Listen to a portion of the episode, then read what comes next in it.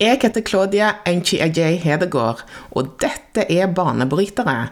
Podkasten hvor du får høre inspirerende historier om karriere og ledelse fra personer med flerkulturell bakgrunn i Norge som utmerker seg og baner vei. Det er noe med at vi, vi, bor i Norge, hva da? Vi er 5,5 millioner mm. mennesker. Det er ikke så mange Det er ikke den samme konkurransesituasjonen som i resten av verden.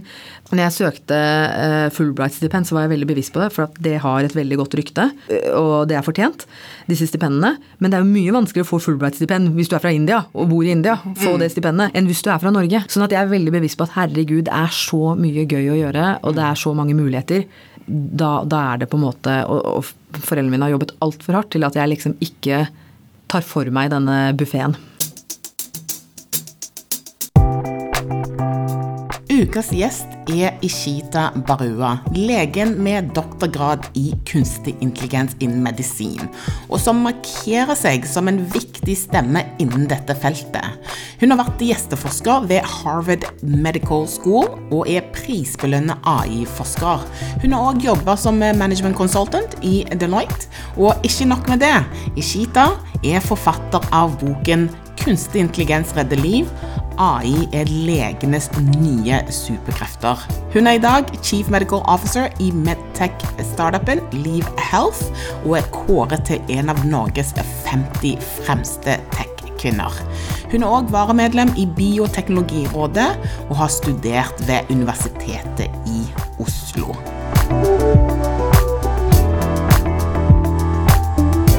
Velkommen til Banebrytere, Ishita. Tusen hjertelig takk. Veldig kjekt å se deg i dag. Takk i like måte. Hvordan går det med deg? Du, Det går veldig bra. Ute regner det og alt mulig, men her inne er det solskinn, og jeg gleder meg til samtalen her. Ja, Du kom inn med en sånn skikkelig kul eh, elsykkel. Jeg den eh, så ut som den veide et tonn. den gjør det. Dette er, dette er en nyervervelse. Altså det er uh, en ny elsyklist i byen. Um, fant ut at det ble Altså, det er mye lettere å komme seg rundt med den. Så det er Jeg har ønsket meg det lenge, og endelig har jeg det. Og selvfølgelig regner det. Det liksom fullstendig øh, høljer ned den dagen jeg tar den i bruk. Og så er det litt sånn venne seg til trafikken rundt, for at som fotgjenger så bare går du. Og som, altså, når man kjører bil, så er det liksom klare regler. Men som syklist så, du, så er du ikke lenger myk trafikant, så du må tilpasse deg litt. Så det er litt annerledes. Yeah. Um, I den siste tiden så ser jeg deg overalt. Jeg ser deg overalt. Jeg ser deg på LinkedIn-feeden, jeg ser deg på foredrager, jeg ser deg på eventer. Ser, altså, du er overalt for tiden, og det skjer mye rundt deg. Eh, hva, hva, det, hva, hva skjer i livet ditt akkurat nå, hvis du skulle oppsummert livet ditt akkurat nå?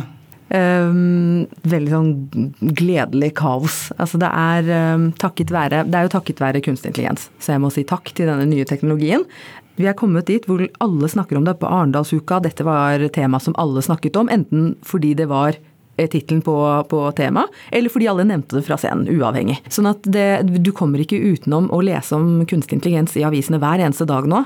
Eh, så det er grunnen til at du ser meg i feeden din, fordi navnet mitt nå kobles til kunstig intelligens, spesielt innenfor medisin, så, så, dukker det opp. Så det er bare derfor. Jeg eh, tror nok at dette er noe som Det er et blaff, det, på en måte, i den forstand at så er vi opptatt av Altså det var bærekraft og, og det har vært andre temaer. Nå er det mm. kunstig intelligens. Det kommer nye ting. Så jeg tror ikke folk skal bekymre seg. Det, det, det er en tid for alt. Ja, Men du har jo vunnet priser, og, og, og det er sant? Så, så, du er jo foredragsholder, så, så det er mye aktivitet. Eh, så det, det, må jo være veldig spennende òg.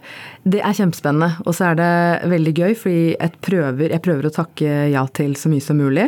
Fordi at jeg vet at dette her er en reise. Er, akkurat nå så er kunstig intelligens superhot. Mm. Uh, og så, som jeg nevnte, så tror jeg at om to år så er det noe annet som er shiny og spennende. Sånn at det, man må bare nyte det mens det varer. Så jeg prøver yeah. å benytte meg av mulighetene som yeah. finnes.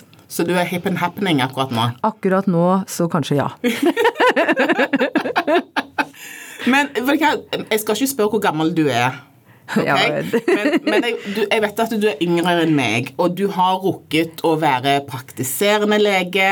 Du har tatt en doktorgrad, eh, du har jobbet i corporate, eh, du har skrevet en bok, eh, og nå starter du et nytt eh, spennende kapittel i en startup som vi skal snakke litt mer om. Og så I tillegg så ser jeg at du markerer deg nå, som du var litt inne på innledningsvis, du markerer deg nå som en, eh, en sentral stemme da, eh, innen bruk av kunstig intelligens i medisin. Altså Hats off, woman. Eh, altså det, det, er jo, altså Du har ikke kommet midt i, midt i karrieren din eh, en gang, og så har du fått til alt dette her. Eh, det er jo ikke hver dag man møter en person med, med den type eh, meritter. Det er, det er, utrolig hyggelig at du sier. Jeg setter skikkelig pris på det. Og så tror jeg det bare handler om at eh, For det første så er jeg ikke 20, jeg er 35. Jeg har null problemer med å erkjenne at jeg er 35. Altså For meg så var eh, liksom Ung og lovende var 30 før. Eh, så da er jeg allerede blitt gammel, jeg da. Men jeg har lært at altså, det er et langt yrkesliv. Så ja, jeg har fått gjort veldig mye. Men jeg tror at hvis man sier ja til mange muligheter, så kommer man dit. Man får eh, muligheten til å få gjort mye. Mm. Men jeg gleder meg uansett til å høre løpet ditt. For ja. jeg tror ikke jeg har noen gang truffet en person med din profil før, med hele det der karriereløpet ditt og de valgene du har tatt. Så bare sånn, fortell. Medisin, som er ditt eh, spisskompetanse. Mm. Hvorfor medisin? Jeg kunne valgt andre ting. Jeg hadde lyst til å bli forfatter da jeg var eh, liten, og så fant jeg ut at jeg hadde lyst til å bli advokat en stund også, eh, eller jurist. På en måte er det litt tilfeldig, og det, det er nok pga. en hendelse som, eh, som, skjedde da jeg var rundt 13-14 år. Da hadde mamma en dødfødsel, altså det vil si når fosteret på en måte er båret helt i fulltermin, men ved fødsel så skjer det noe som gjør at barnet ikke blir levende født, men at det blir født dødt, da. Og det, det, preget meg og min familie så sterkt, egentlig, at det, det, Jeg satt og følte på at jeg var utrygg, at man ikke kunne helt uh, man kunne ikke ta kontroll over det som rammet en. Altså sykdom, For meg ble det veldig tydelig hva sykdom og død var rundt det tidspunktet. Altså Jeg hadde visst om det, selvfølgelig, men, men eh, når det rammet eh, familien min på den måten, så ble jeg veldig bevisst på den mangel på kontroll du har når det kommer til helse og, og ting som rammer deg. da. Så jeg fant ut at ok, jeg liker realfag, kanskje jeg også bør bli lege. Jeg tror jeg må passe på meg og mine. Mm. Så det var, det var ja, kanskje et behov for kontroll. Eh, og så lærte jeg jo veldig fort eh, når jeg kom inn på medisinstudiet og begynte å studere at det er ikke sånn verden fungerer. Det, mm. du, du, kan ha den beste vitenskapen på plass, og fortsatt så vil sånne ting skje. Sånn at det som gjorde at jeg gikk inn i det for å på, en måte få en bedre forståelse av hvordan man kan unngå det, mm. endte jo opp med at jeg skjønte til syvende og sist så har man ikke helt kontroll uansett. Mm. Hvor forberedt man er, hvor mye man lærer. Enkelte ting er utenfor din kontroll. Og jeg likte jo fagene, for guds skyld. Det var ikke bare den hendelsen, men, men, det gjorde at jeg så ting litt mer i perspektiv og tenkte at eh, jeg har lyst til å lære mer om hvordan ting fungerer i kroppen, hvordan man kan ta gode helsevalg. Også sånn et folkehelseperspektiv, hvordan få kunnskap som gjør at en større del av befolkningen kan lære seg å oppnå god helse, da, eller mm. bevare den. Men så har jo liksom kunstig intelligens også blitt uh, ditt ekspertiseområde. Hvor kom den interessen for kunstig intelligens? Den kom uh, for jeg gjorde sånn tradisjonelt løp, begynte på, gjorde ferdig medisinutdannelsen på UiO, og så begynte jeg i turnustjeneste på Ahus.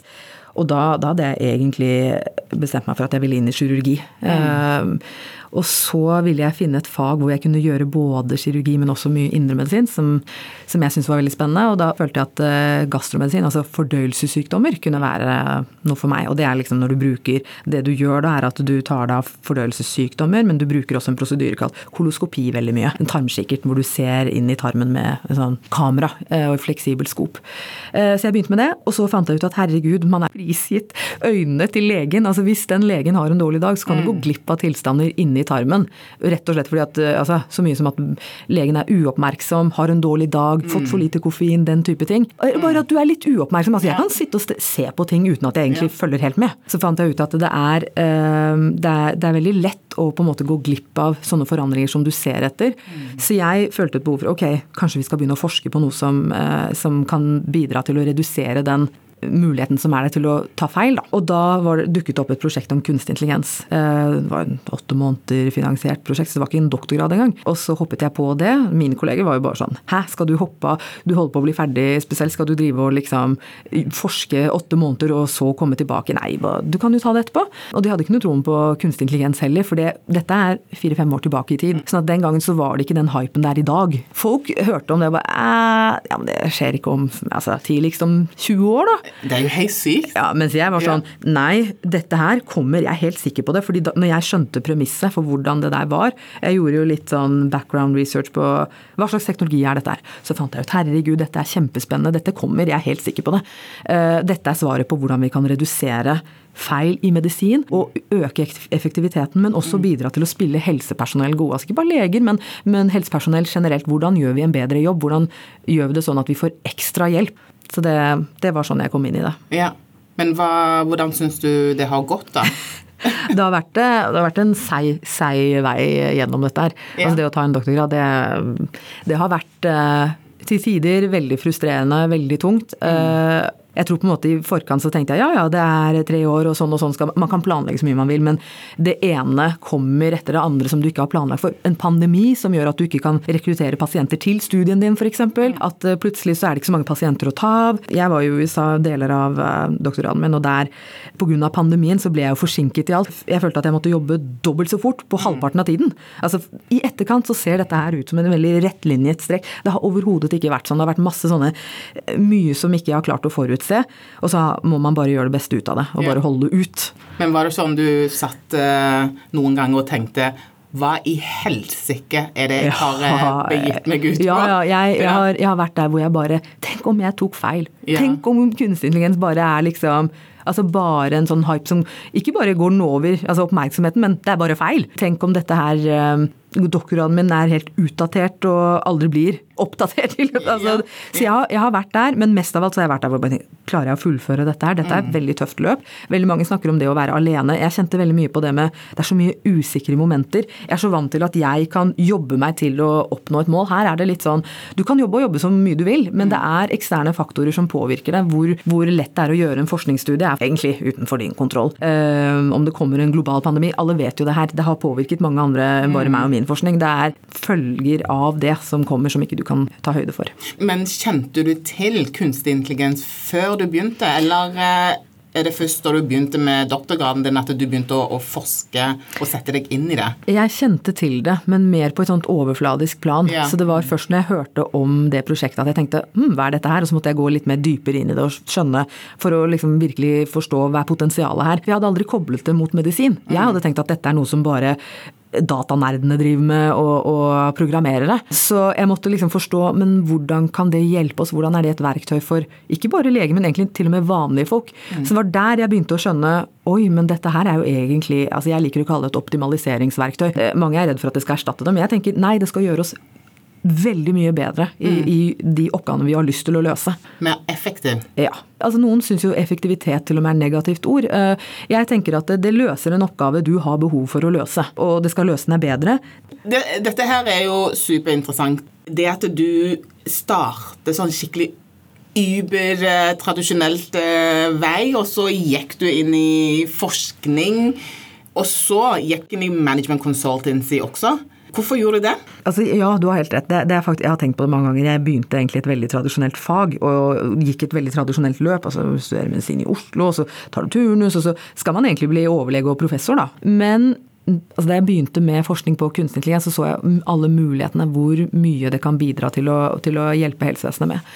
Og litt av grunnen til at jeg skjønte at å, jeg må inn i corporate-verden, er fordi at mange av beslutningene som tas på sykehus, er ikke bare medisinskfaglige. Det er også snakk om det er økonomi, det er ledelse.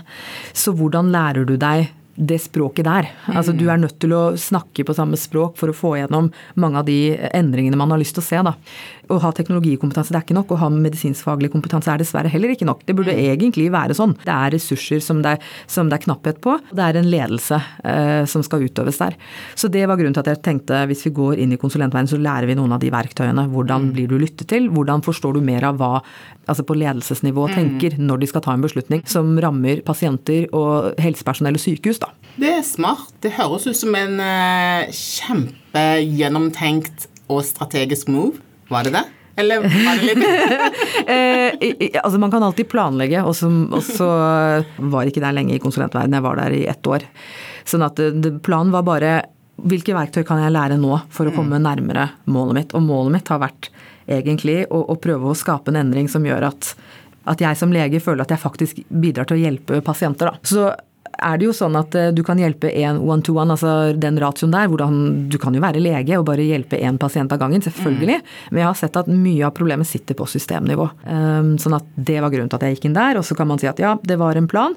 Så får man se hvordan det i, et lengre løp ser ut. Ja, Men hva andre bevisste valg har du tatt eh, underveis? Verv under eh, studietiden. Yeah. Fordi at, eh, det, både fordi at jeg ønsket å bli kjent med andre enn bare de på kullet mitt, men også fordi at jeg hadde lyst til å utfordre meg selv. Jeg syntes det både var sosialt Jeg var ikke så motivert av eh, poengene til utveksling, for jeg endte jo opp med å ikke utveksle, som jeg hadde planer om opprinnelig. Så for meg så var det motivasjon om ok, du, du lærer nye ting som ikke du lærer på studiet. For jeg savnet den derre interaksjonen du har med andre som man får på Blindern, mens vi er jo plassert oppe ved Rikshospitalet. Mm. Så du møter ikke noen andre der. Så det å være være engasjert i studentpolitikken og, og på en måte de foreningene, da, studentforeningene, det syns jeg var en fin outlet, egentlig. Det, det, var et bevisst valg som jeg er ganske fornøyd med å ha gjort. Ja. Hva er det det har gitt deg? Jeg tror det har gitt meg eh, tanken om at du kan stå på andre ben også. Mm. Du trenger ikke å bare gjøre én ting. Du trenger ikke å like én ting engang. Du, du kan gjøre veldig mye forskjellig, og, mm. og, du kan prøve ut mange ulike ting. Alt trenger ikke å være planlagt. Noen ting finner du ut av underveis. Mm. Men det hadde jeg aldri forstått, hadde ikke jeg begynt så tidlig med å på en måte bli kjent med nye folk. Og også se å ja, men ledelse er også et spennende fag. Altså mm. Det å drive med studentforening, det, det gjorde meg oppmerksom på at det var der dette med teknologi også kom litt inn. For jeg tenkte mm. dette er jo altså det er andre måter vi skal utøve medisinfaget på i fremtiden. Og det på de tradisjonelle altså forelesningene, det er ikke det de lærer deg der. Det, det som er det nye, det må du få litt utenfor. Mm. Det er jo veldig smart altså, det, det, var en sosial outlet. Så jeg syns ja. det var veldig fint. Og så må vi jo snakke om eh, hindringer og utfordringer. Fordi det løpet du har hatt til nå, det har ikke bare, bare vært eh, vind i seilene. Nei, nei, nei. nei, Det... Du, har jo, du, har nevnt, du, har jo, nevnt, eh, et par eksempler når du jobbet med doktorgraden din. Men, men, hvis du skal se på det løpet ditt hittil, mm. og trekke fram noen av de sentrale utfordringer som du møtte på, eh, og hvordan du håndterte det, og hva du lærte Blant annet det med at um, det å tørre å gjøre nye ting, f.eks. da. Jeg hadde jo tenkt på at jeg har lyst til å prøve å forske på noe som kan bidra til å hjelpe leger med å gjøre jobben sin bedre, spesielt innenfor koloskopi. Og da når denne forskningsmuligheten kom opp, så var ikke det i en tradisjonell form. Det var ikke en fin innpakket eh, doktorgradssøknad som skulle bare leveres inn. Det, det, var ikke noe doktorgrad, det var et lite prosjekt med åtte måneders horisont. Det å tørre å tenke for seg selv at dette her er noe jeg tror på, selv om ingen andre tror på det rundt meg. Det at jeg tror jeg kan bygge dette videre til en doktorgrad. Jeg tror at jeg kan skape ny kunnskap basert på dette prosjektet her. Det å tørre å satse det, du trenger ikke å ha en konkret plan engang, men du mm. må tro på at dette er, er, noe du vil like å gjøre, og det vil gi deg noe. Det var tøft, fordi at um, det var der jeg liksom begynte å branche out og på en måte gjøre litt andre utradisjonelle ting. Jeg, også dette med studentforeningene. Jeg opplevde at de, hadde, de, studentene som gikk før meg, det var ikke så mange som verken så ut som meg, eller som hadde min bakgrunn, som, som var så aktive i studentforeningene heller. Mm. Eh, de har en studentforening på, på, medisin som er veldig aktiv, hvor mange ser ut som meg, faktisk. Mm. Eh, og det er NMF.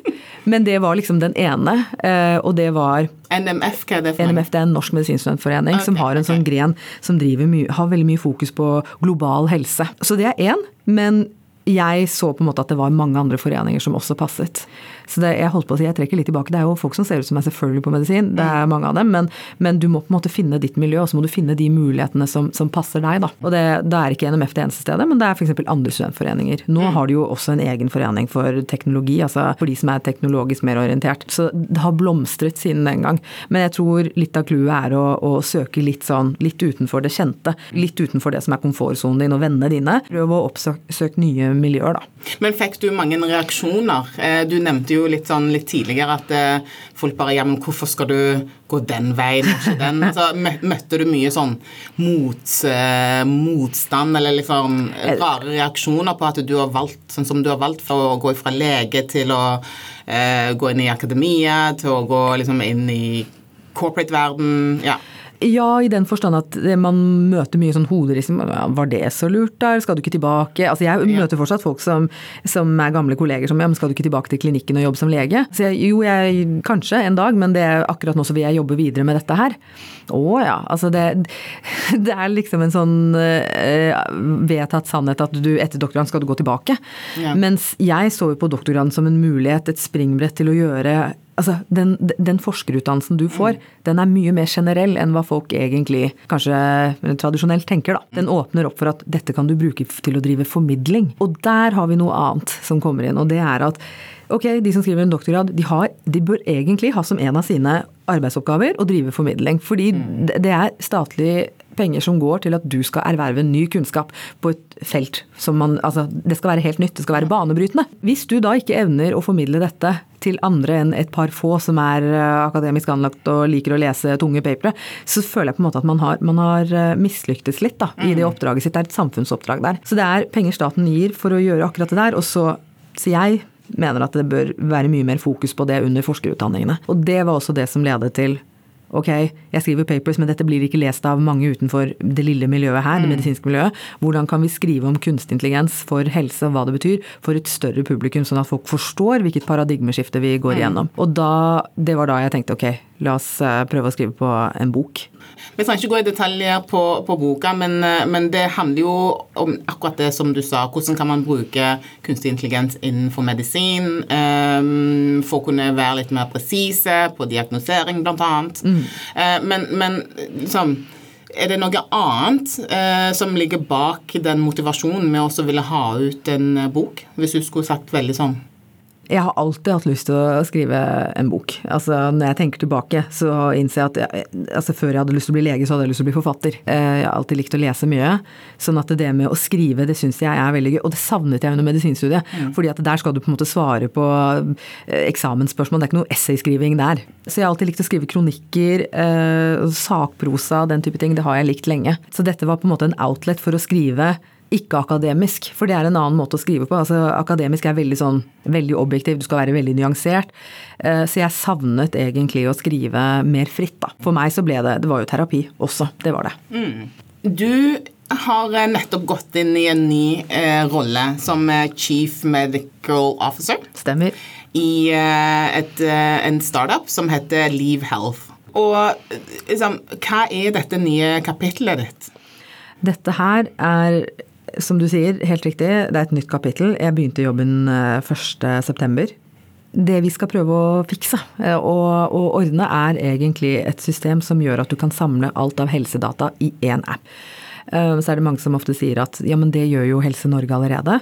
Jo, men vi mener at vi trenger en pasientsentrert app som mm. samler all denne dataen som helsevesenet har om deg, som gjør det tilgjengelig for pasienter, men også som kan ta i bruk den type data som du genererer, som ikke blir sett på som tradisjonelt helsedata. Altså fra wearables, altså sensordata, f.eks. fra Apple Watcher og den type ting. Så hvordan du har sovet, eh, søvnregistrering, eh, pulsregistrering, eh, aktivitetsnivå, den type ting vil vi også gi mulighet for å få inn i en slik app, sånn at mm. du har begge deler. Ja, Men er det litt skummelt? Å gå inn i en startup? Du gikk ifra ja, safe organisasjon til en startup med usikkerhetene ja, som følger med, og selvfølgelig mulighetene. Helt Men, riktig. Ja, hva, hva, tenker du? Jeg gikk fra hva da ha 400 kolleger til å ha plutselig fire. Sånn at, og, og, den Altså, dette er ikke for den risikoaverse i det hele tatt. Eh, det er mye risiko involvert. Du er på en måte ikke sikret en jobb nødvendigvis om fem år, ikke to år engang. Ett mm. år. Man vet på en måte ikke, man har ikke noe horisont her. Eh, men det var for spennende, den muligheten. Og den, igjen, dette, dette er en kon veldig konkret ting i helsevesenet som vi prøver å løse. Så du kan se på det på mange måter som en sånn internasjonal variant av Helse-Norge. Hva skjer når du har dratt til utlandet, du har vært på et uh, sykebesøk der, men du mm. får ikke papirene med deg, eller du må vise skanning. Altså du må vise et bilde av mm. skjermen fra et opphold i utlandet til fastlegen din. Det, det, det blir veldig vanskelig for den fastlegen mm. å ta inn over seg hva som har skjedd med deg. Så alle disse tingene, å samle alt av data ett sted, det er den store jobben. Og så ønsker vi også å bruke maskinlæringsmodeller og kunstig intelligens til å nyttiggjøre den kunnskapen, så at det kan oppsummere på en måte som pasientene selv forstår.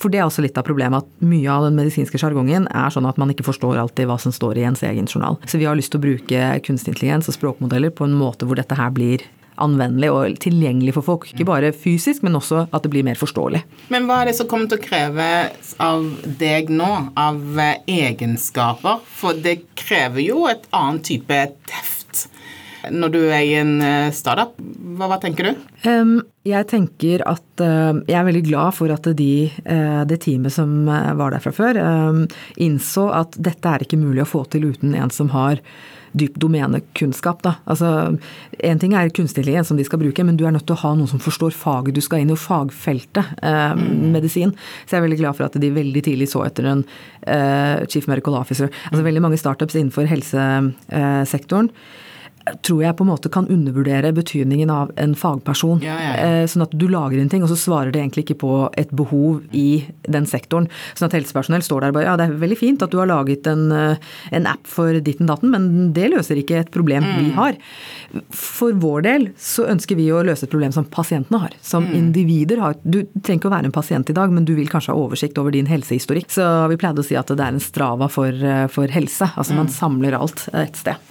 Men hva er hva, hva egenskaper? Ja, det var det du var inne på. Ja, hva eh, egenskaper er det du tenker eh, at dette vil kreves av deg nå, som du må kanskje lære fordi du skal inn i et helt nytt territorium? Så det jeg trenger nå, og som kanskje jeg må fortsette å utvikle, det er altså, å ha flexible mindset, hvis man kan si det. Yeah. At man, Det er ikke sikkert vi har svaret i dag. Det vi tror vi skal løse, og på måten vi tror vi skal løse det på, det er ikke sikkert det er sånn vi ender opp med det. Så vi er nødt til å være åpne for at det finnes andre løsninger, inkludert meg selv. Altså dette er, dette er en ongoing prosjekt. At jeg er nødt til å både ha det, men videreutvikle den delen av meg som, som, er i stand til å se nye løsninger, da. Eh, så kreativitet, kanskje, hvis yeah. jeg skal oppsummere den egenskapen. Er du en kreativ person, da? Jeg, jeg, liker å tro det. Jeg liker å tro det, fordi at jeg er ikke så låst. Men uh, selvfølgelig, jeg kan bli enda mindre låst. Altså, det, er, det, er, en egenskap man hele tiden må på en måte fine-tune, hvis yeah. man kan si det. Mm. Yeah. Den balansen mellom både å ha tålmodighet, men også å være veldig sulten på yeah. resultater. Jeg liker veldig godt at uh, store deler av teamet som jeg jobber med, er veldig sånn Her blir ting til mens vi går. Her må vi få raske resultater, Eh, som handler om å, å få ting i gang. Og det er i en sektor hvor det er krav til veldig veldig høy sikkerhet. Sånn at vi, vi, vi, vi, tar ikke sjanser med det, men vi er nødt til å på en måte jobbe i et tempo som gjør at vi får raskt resultater. Så det, det å være hva skal jeg si, altså brette opp ermene og være klar til å jobbe og ha god arbeidsmoral, det er også noe som kreves i startup-verdenen. Ja. Hmm. Det blir veldig spennende. Takk. Hvordan skal du sikre suksess, da? Jeg skal i hvert fall være en teamplayer. Eh, det er, det er ikke noe plass til divaer i en startup. Det er mye større enn oss. Dette er et lag. Sånn at jeg føler at det er litt som å være med i en konkurranse hvor laget ditt liksom er helt avhengig av at alle gjør sitt aller mm. beste.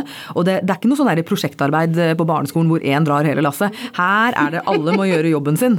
Eh, nå dro jeg det eksempelet fordi Det er ikke bare barneskole?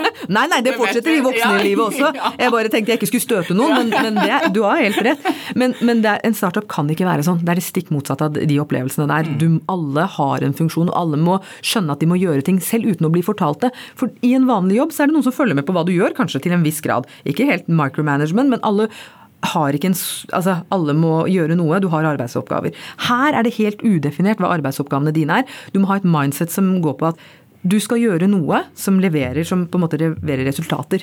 Ehm, du er nødt til å vite om det du bidrar med er av betydning. Eller bør du liksom spørre og se om det er noe annet du kan gjøre. Mm. Så alle er nødt til å på en måte eh, dra lasset. Det er ingen som kan bare henge på og, og tenke at eh, noen andre gjør det. det. Mm. det. er ingen som plukker opp etter deg. Mm. Men hva er det som driver deg?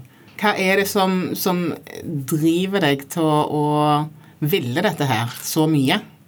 For å være helt ærlig, jeg, jeg, tror jeg drives veldig mye av den Jeg er veldig bevisst på hvor heldig jeg er. Jeg er veldig bevisst på at dette er ikke muligheter eh, som, som alle nødvendigvis får. Eh, og hvor heldig jeg er som bor i Norge. Eh, jeg kunne godt ha vært eh, i Bangladesh akkurat nå, hvor foreldrene mine er fra. Og jeg ville ikke fått en brøkdel av disse mulighetene Mm. her. Og så tenker jeg, tenk om foreldrene mine hadde dratt til USA, da hadde jeg heller ikke fått disse mulighetene her. Mm. Så det er, det er noe med at vi, vi bor i Norge, hva da? Vi er 5,5 millioner Mm. mennesker. Det er ikke så mange Det er ikke den samme konkurransesituasjonen som i resten av verden.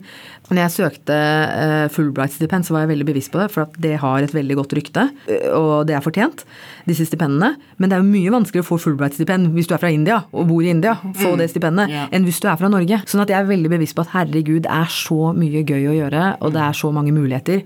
Da, da er det på en måte Og, og foreldrene mine har jobbet altfor hardt til at jeg liksom ikke tar for meg denne buffeen. Ja. Hva er det foreldrene dine sier nå om alt det som du får til? Hva er det de sier? Er de sånn De er eh, de, de, jeg, har, jeg har aldri hatt foreldre som er sånn nære. Å, liksom, du klarte å tegne en tegning! eh, Kjempebra! Nei, nei, mine er sånn Ja, det var bra. Det, det er bra. Veldig avmålte. Veldig sånn Mine òg. ja, ja, jeg, jeg, jeg regner med at det er flere med innvandrerbakgrunn som har den type foreldre. Altså, sånn, jeg kunne komme hjem med en uh, altså, Dette er ikke for å støte noen, men er bare, det er bare sånn de er. Jeg, ja. si. jeg kan komme hjem med resultatene fra en prøve og si ja, seks min. Kan pappaen min si sånn Seks min, ja. Ja, Hvorfor fikk du ikke sekser? Ja, ja, ja. Og, og så måpet jeg en som bare Hæ, dette var jo bra. Bare, jo, men du må, du må alltid streve for å gjøre ditt beste. Gjorde du ditt beste? Måtte jeg bare ærlig innrømme at ja, kanskje jeg hadde Jeg kunne sikkert lest mer. Ja, men da gjør du det. Så det handler ikke så mye om resultatet så mye som at du må alltid gjøre ditt aller beste. Uansett hva det er. Det kunne være sånn Ja, altså, ja har du vært med Ja, du hadde et fri, fri, hatt friidrettsdag. Ja, ok, greit. Hvordan gikk det? Nei, det gikk veldig bra, men eh, jeg droppet det og det. Hæ, hvorfor gjorde du det? Du må gjøre ditt beste. Altså, Det der har jo ikke engang noe betydning for karakterene dine. Men den oppfatningen om at du alltid må gjøre ditt aller beste, den er der. Ja. Så Og det er jo bra. ja. Det er jo bra, tenker jeg. Jeg, jeg syns også det. Og det, det har nok eh, herdet meg også, det at man liksom Man klapper ikke for en liten tegning som eh, Ja. Det der litt sånn Ja, det er så bra at du sier, for jeg, eh, jeg òg opplever at jeg er litt eh, av det samme, at jeg har jo høye krav. Ja, ja. Sant? Eh, Og jeg vet ikke om det er bra eller dårlig, men, men i noen settinger ikke sant? at du, du har litt høye krav til, til folk og deg sjøl. Og kanskje ikke bli sånn superbegeistra av de minste tingene. Ikke fordi at du ikke vil, men fordi at eh, man forventer kanskje mer. Samtidig så tror jeg man må ha den tryggheten i at foreldrene dine alltid stiller opp. Ja. Sånn at eh, den, den gode blandingen mellom å på en måte Ok, du må alltid gjøre ditt beste. Ok, du kan You can do better. Mm. Men samtidig ha visshet om at foreldrene dine er der for deg. De stiller opp hvis, Mm. hvis noe går galt. Det er en veldig fin kombinasjon. Så det var ikke som om jeg følte at åh, hvis jeg får en dårlig karakter, så får jeg ikke lov til å komme hjem, liksom. Ja, Det, ja. det er ikke der. Men det er en sånn det er en veldig sånn ansvarlig forventning om at Mm.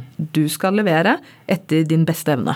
Med alt det som du har oppnådd hittil, Ja. jeg vet jo at du har, eh, dere har store ambisjoner med eh, startupen eh, Ja. deres.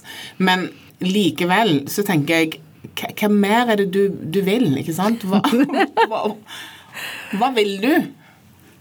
Helt ærlig, så, så um, etter hvert som jeg har blitt eh, Altså, jo eldre jeg blir, jo mer forstår jeg at jeg har mindre forståelse av hva jeg planlegger å gjøre. Altså kortere og kortere horisont. Så da jeg var 14 så planla jeg jeg skal begynne å studere medisin, og så får vi se, og så familie og barn, liksom. Nå er jeg der hvor jeg tenker jeg vet ikke hva som skjer om ett år eller to år, så på en måte er det vanskelig å svare på, men jeg kan si det her. Jeg er opptatt av at jeg har lyst til å leve, jeg har lyst til å være lykkelig. Um, det, det har jeg lyst til å være. Jeg har lyst til å ha tid med familie og venner, jeg har lyst til å ha en sunn, frisk kropp. Og når det kommer til det karrieremessige plan, jeg har lyst til å ha fleksibilitet til å kunne gjøre det jeg vil. Det er noe jeg har innsett den siste tiden. at jeg, jeg, trenger, jeg, jeg har ikke liksom en sånn plan om at å, den tittelen der skal jeg ha. Jeg har lyst til å løse et problem. Jeg har gått fra å liksom tenke studieretning, også jobb og veldig sånn tradisjonell den og den rollen, også hierarki, til å tenke hvilket problem har jeg lyst til å løse? Hvor har jeg lyst til å jobbe? Hvordan kan jeg gjøre noe som gjør at jeg føler at dette her vil eh, være en god impact, da. Eh, så mer og mer det. Eh, Så hvis jeg har lyst til å løse noe, så er det mer det at jeg, jeg tenker at hvorfor ikke bidra til at helsevesenet vårt blir enda bedre? Ting løses på en eh, enda bedre måte. Det høres ut som en utrolig meningsfull eh, ambisjon. Ja, jeg tenker at det er i hvert fall overkommelig å, å, å, å oppnå. At man skal bli lykkelig, det, det kan man kanskje gjøre noe med. Ja. Mm. Hvis du skulle gitt råd til andre ambisiøse, for du er jo ambisiøs, sant? og det tenker jeg er helt supert, man skal være ambisiøs i livet. Hvis du skulle gitt råd til andre ambisiøse, hva ville det vært? Jeg tror at eh, det beste rådet jeg kan gi, er å være eh, f.eks. når man begynner å studere. Man trenger ikke å vite hvilken jobb man skal ha. Nå er det, Sånn var det før. Man måtte ha en veldig sånn profesjonstankegang. Du skal studere noe fordi du skal begynne i den og den jobben. Sånn trenger det ikke å være lenger. Ikke tenk så mye på eh, hvilken studieretning du skal ta for å oppnå en viss jobb. Tenk heller hvilke egenskaper er det du skal fylle, og hva, hva har du faktisk lyst til å jobbe med? Litt sånn problembasert. Hvilke problemer har du lyst til å løse? Så hvis, hvis du kan på en måte knipe det, så vil også mange andre ting falle litt mer på plass. For det betyr at du må legge litt planer for ok, hvordan skal du tilbringe fritiden din? Skal, du, skal de tingene du gjør da være med på å støtte opp under den den andre planen du har. For eksempel, altså, hva skal du gjøre med tiden din? Skal du ha hobbyer? For nå for tiden, jeg føler at ingen har hobbyer. Hvis, hvis, vi hadde begynt å oppgi hva folk sine hobbyer er, så hadde folk sagt Netflix og, mm. og sosiale medier. Jeg tok nylig opp roing, eh, bare sånn som treningsform, og bare fant ut at fuck, jeg har drevet med dette her? Altså prøve nye ting. Men dette med hobby, det å ha en outlet for den delen av deg som ikke er på jobb, eller gjør andre oppgaver, om det skulle være at du er forelder eller et eller annet sånt noe, hva gjør du for deg selv? Jeg syns vi skal ha mye mer fokus på hobbyer. Vi hadde jo den gangen når vi var små, så var det sånn Pusur-dagbøker hvor du skulle skrive hobbyer og interesser. Vi kunne fylle ut masse. Nå kan vi faktisk ikke fylle ut noen ting. Mm. Ingen av oss har interesser. Hører dere lyttere? Nei, men det gjelder meg også. jeg, tror, jeg, tror, liksom at det er Vi må, vi må prøve å, å, gjøre nye ting og finne ut av hva vi liker å gjøre, som vi kan dyrke. Jeg tror at vi må gjøre mer av de tingene som gjør at vi faktisk vokser, og som gir oss mer meningsfull tid mm. med oss selv. Men jeg vil jo òg tro at eh, det at folk må tørre å gå mot strømmen. Ja, sant? ja, ja den muskelen liksom, der. Ja, sant? Den der, det å tørre å gå mot strømmen, sånn som du har gjort. Sant? Du valgte jo å følge din egen eh, magefølelse og, og, og, gikk din egen eh, vei, selv om det var andre som liksom løftet øyenbrynene og liksom tenkte at det, hun der, hva er det hun eh, driver med, liksom?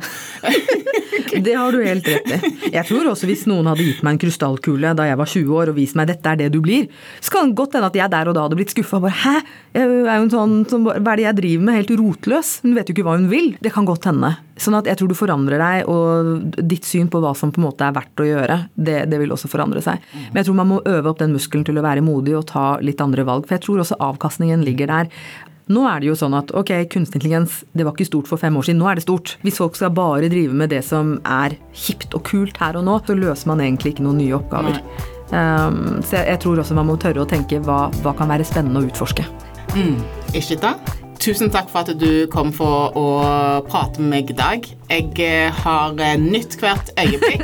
Så bra. Og det er utrolig kjekt å høre om denne spennende reisen din. Og jeg har veldig tro på at du kommer til å bidra eh, inn i noen av de store utfordringene som vi har i helsesektoren. Så tusen takk for det arbeidet du gjør. Takk Så for invitasjonen. Tusen hjertelig takk.